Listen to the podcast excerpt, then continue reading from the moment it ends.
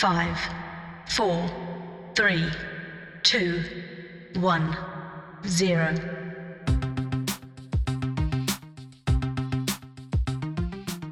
Welcome to a brand new episode of the First Tech Challenge podcast series for FRC Benelux. And today at my table I have Daniela Dimova. Welcome, Daniela. Hello, good to be here. Daniela, for the people in the audience who are unfamiliar with you, can you please introduce yourself? I'm Daniela, and I have been working for First for about 10 years now. I started with um, a role in the first robotics competition, uh, and I have been on this amazing journey ever since then. So, how long was that ago? 10 years. Coming up in two months, it's going to be 10 years. Okay, and you are currently living in the US. And That's correct. Can you tell the audience where do you live? So I am originally from Bulgaria. The first 22 years of my life I spent there, and then I moved to the United States. And um, I used to live in New Hampshire, about three minutes from first headquarters. And in 2017, I moved to Rhode Island, which is about two hours south, uh, for for a family to start a family. And now you work remote uh, from your home. Yes, um, a lot of first staff is working remote right now after COVID. We were working quite successfully from home, so we're continuing to do that now, and everybody's happy. So you've been with First uh, for already 10 years, and your role might have developed over the years. Can you tell me how you started and where are you now? So I didn't know anything about First before I started. Uh, it literally happened quite by chance. I was driving down the road in Manchester, New Hampshire, which is where First headquarters is located, and they had one of the last regionals over there before they transitioned to different model. So I saw a banner that said, "Come see your robots." So I went in and I said, "I need to get a job in here." And two months later, I was hired. I was the international coordinator for first robotics competition. So I helped develop um, the regionals in Australia, Turkey, China, uh, Mexico. I claim that as my own responsibility with with the blood, sweat, and tears of the local partners because they're really the ones doing the job and fighting in the trenches every day. After first robotics competition, um, first was going through uh, some restructuring models, so we started a brand new um, department, which is called Global Field Operations, and I was um, I was poached pretty much from first robotics competition to um, start working for a new leader, which was an amazing journey. And uh, right now, I'm the operations manager for Europe and Middle East for First Robotics and First Tech Challenge. I'm unfamiliar with the term I was poached. What does that mean? Poached means when you're kind of picked out of a bunch and you're like, this is uh, your new role now. yeah. So I was um, recruited, maybe I should say is, the, is a better word. Poached maybe is recruited uh, because I didn't apply for the role. Uh, my uh, then boss said, I think you're going to be really good at this role. And um, she was right. okay. How did this new role change you? And how did first change you as a person? First, definitely made me a better person because when you see good, you do good. And when you're surrounded by such an amazing community that truly feels like a family, it is really um, welcoming and it is really inspiring. And I have met the most amazing people, and I'm really grateful for my journey with First. That's really the one thing that I can say is gratitude. Because without First, I would, would have never met know, these amazing adults and students and, and volunteers. And it's it has been a truly magical journey for me. Yeah, I'm convinced that there are many magical moments. Can you mention uh, one or two? I think um, kind of the moment that I realized that I have an amazing job is a few years ago. Um, we had some friends from Lego Education visiting Manchester, New Hampshire, and they had some. Uh, the the theme of that year was space, so they had invited some actual astronauts that had been to space. And later on, we went to dinner, and being able to discuss, you know, the the moons of Saturn, for example, with with actual people that have been in space was quite amazing. Without first, I would have never had access to those people. in terms of uh, moments, I mean, there's so many amazing moments that bring tears to my eyes. Um, Were there moments of laughter and enjoyment? yes, laughter and enjoyment, yes, but most of it has been. I mean, I I'm quite um, sensitive, so I tend to cry a lot at events when I get excited. So that's my thing. If you see me crying in the corner, that's because I'm so excited. So the crowd is doing this.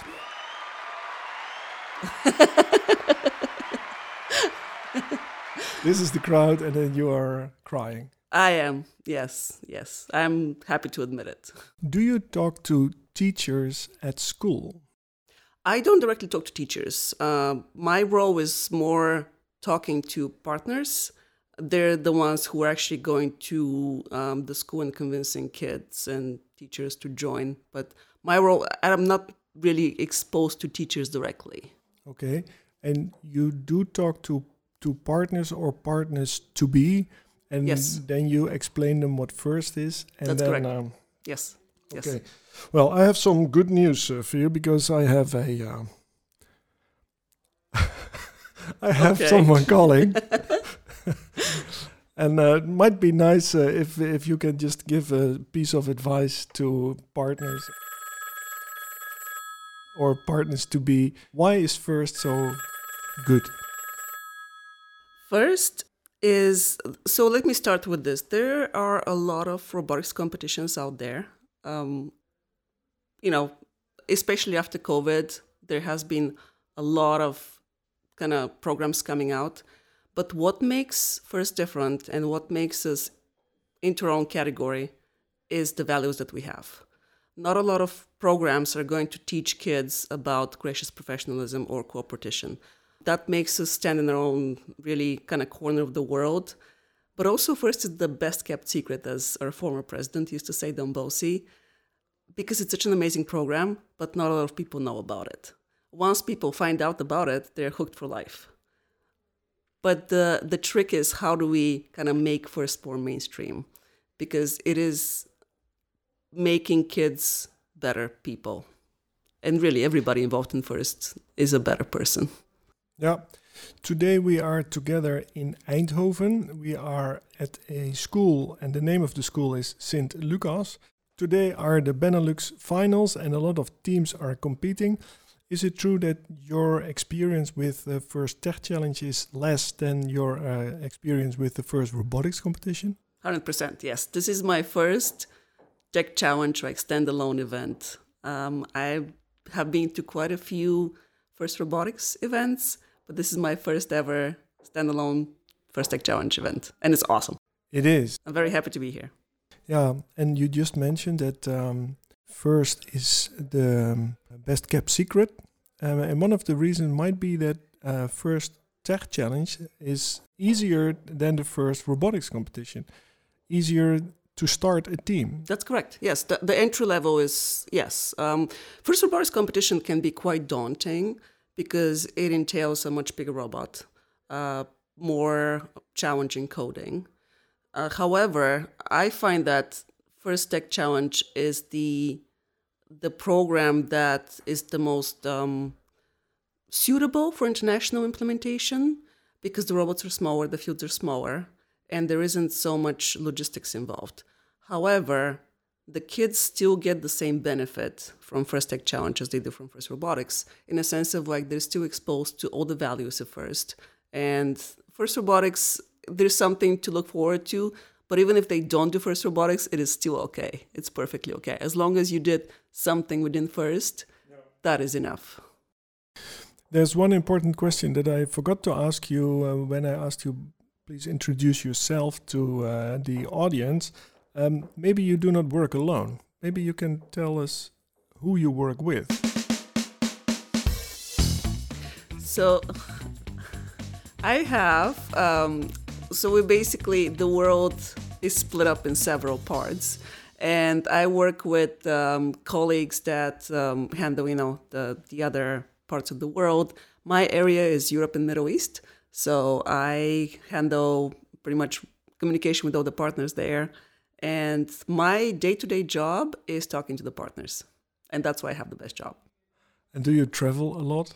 I do. I do. Um, you know, before COVID, I would have like six or seven events a year that I would travel to internationally. Um, now, actually, this is Eindhoven. This is my first um, event after COVID.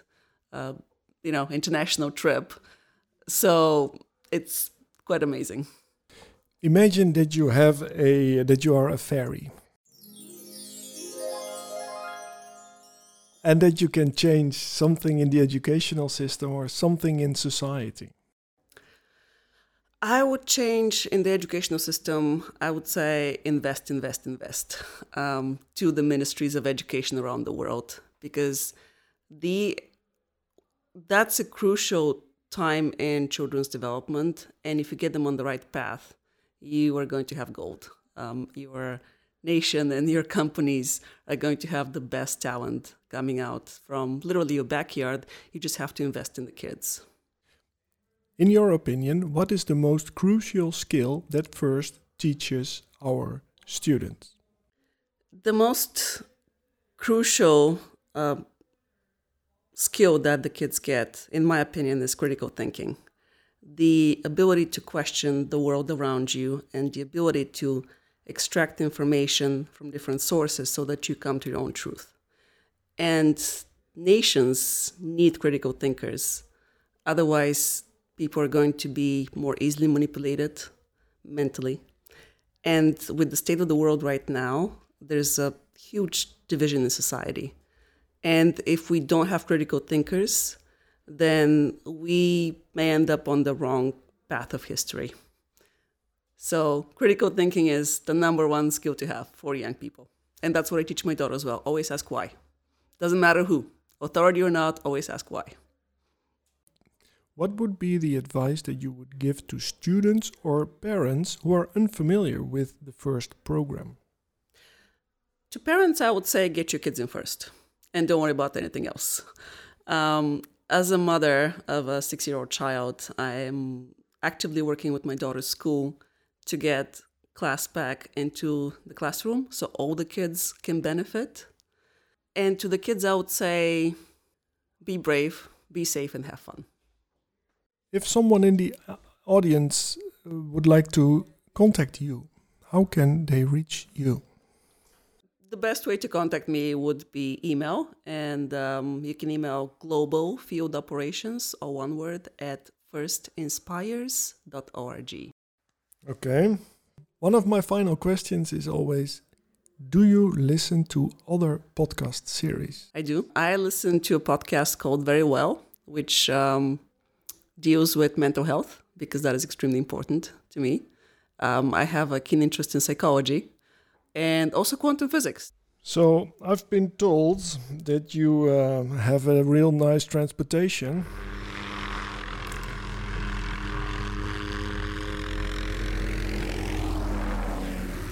That's correct. Is this your helicopter coming? That's Dean's helicopter, actually. okay, awesome. Thank you. if you were to choose the next guest for this podcast series about the FIRST Tech Challenge, who would be your next guest? Any kid from the crowd, because they're all amazing. Well, then I have some good news for you. There are many children here today, and I will record new episodes. Do it. So, Daniela, thank you very much for talking to me. Thank you so much. That was a pleasure. Thank you. And um, I would like to thank the audience for listening all the way to the end. And do not forget to subscribe because there will be a new episode real soon. See you there.